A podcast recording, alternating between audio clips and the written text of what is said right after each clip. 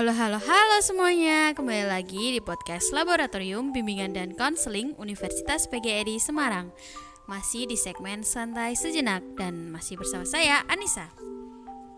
Takut tambah dewasa Takut aku kecewa Takut tak seindah yang kukira.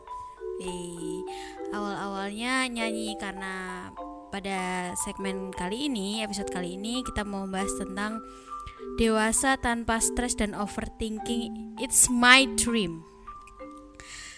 Dewasa tanpa stres dan overthinking. It's my dream, mas, not her, gitu. Wih, kayaknya emang indah banget ya dewasa tanpa ita itu. Tapi kalau dipikir-pikir itu kan proses pendewasaan gitu ya di fase pendewasaan ini, kita bakal ngerasa kurang dalam segala hal. Apalagi jika kita melihat ke circle kita yang misalnya di circle kita itu banyak teman-teman yang udah kerja, punya mobil sendiri, menikah, lulus bahkan. Hal itu bisa menjadi pemicu dari overthinking. Dari overthinking bisa merambah ke rasa takut dan cemas. Dan pasti rasanya nggak enak banget kan? Nah di podcast kali ini aku mau ngasih tahu ke kalian kalau kalian sebenarnya nggak sendirian.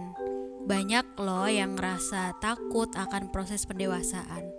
Lalu bagaimana cara melewatkan fase dewasa dengan stres dan overthinking ini? Simak baik-baik podcast kali ini ya. Nah, kalau misal ditanya kenapa sih kita bisa ngerasain takut dan kecemasan?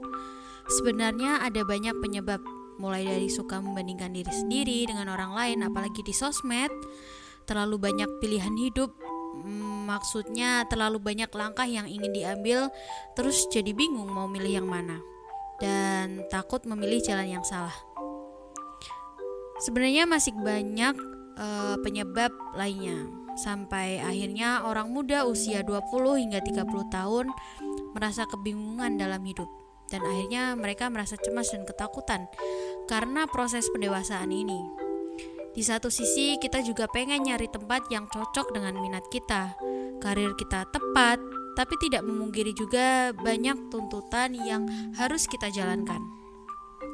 Karena banyaknya itu yang kadang bikin kita jadi overthinking dan kita juga sering membanding-bandingkan proses kita dengan proses orang lain jadi stres sendiri nggak sih dan malah bikin takut terus gimana sih cara kita menghindar dari rasa takut dan cemas terhadap fase pendewasaan yang sering stres dan overthinking?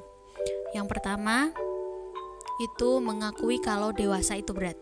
Dan mengakui kalau saat ini itu nggak apa-apa. Kita tuh perlu loh untuk menyuarakan bahwa memang dewasa itu berat, tapi bukan berarti artinya kita mengeluh dan menyerah gitu aja. Nah, di sini adalah tahap kita untuk mengakui dan menerima bahwa hampir semua orang pernah mengalami hal ini. Dan itu nggak apa-apa gitu loh. Terus yang kedua itu fokus pada diri sendiri.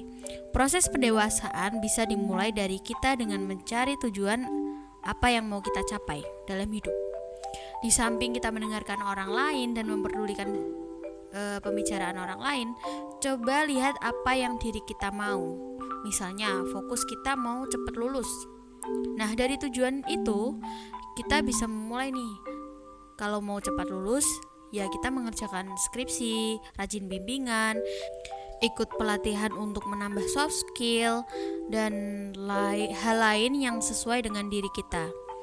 Nah, Sebenarnya hal seperti itu banyak kan, tapi jangan mulai dari apa yang harus kita lakukan. Jadi tetapkan tujuannya dulu. Kalau tujuan sudah tercapai, jangan lupa apresiasi diri. Terus lanjutin deh ke tujuan yang kedua. Yang ketiga itu atur kritik dalam pikiran. Nah, uh, coba lihat dulu dalam pikiran kita banyak banyak pikiran negatif atau positifnya. Nah, bukan berarti kita harus berpikir positif terus. Apakah sebenarnya kita tuh terlalu banyak mengkritik diri sendiri atau jangan-jangan diri kita ini nggak maju-maju karena terlalu sering mengkritik diri kita sendiri. Hmm, coba deh ingat-ingat kata-kata apa yang bikin kita tuh ngerasa bahwa kata-kata itu yang bikin kita takut dan cemas gitu. Nah, bisa kita ganti dan mungkin kita bisa menghindari ha mengatakan hal-hal negatif ke diri kita sendiri. Kalau misalnya kesulitan, ya wajar karena ini ilmu atau tidak harus dari kesadaran diri kita sendiri. Gak salah juga kalau kita mau nyari bantuan, kan ada teman dan ada keluarga. Proses pendewasaan memang berat, tapi kalau bersamaan proses ini akan penuh pembelajaran. Kalau dari aku, jalani aja dulu. Belajar terus-menerus, atasi rasa cemas dan menjadi lebih baik. Terima kasih sudah mendengarkan podcast kali ini. Semoga bermanfaat. Jangan lupa bahagia hari ini. Sampai jumpa di episode selanjutnya.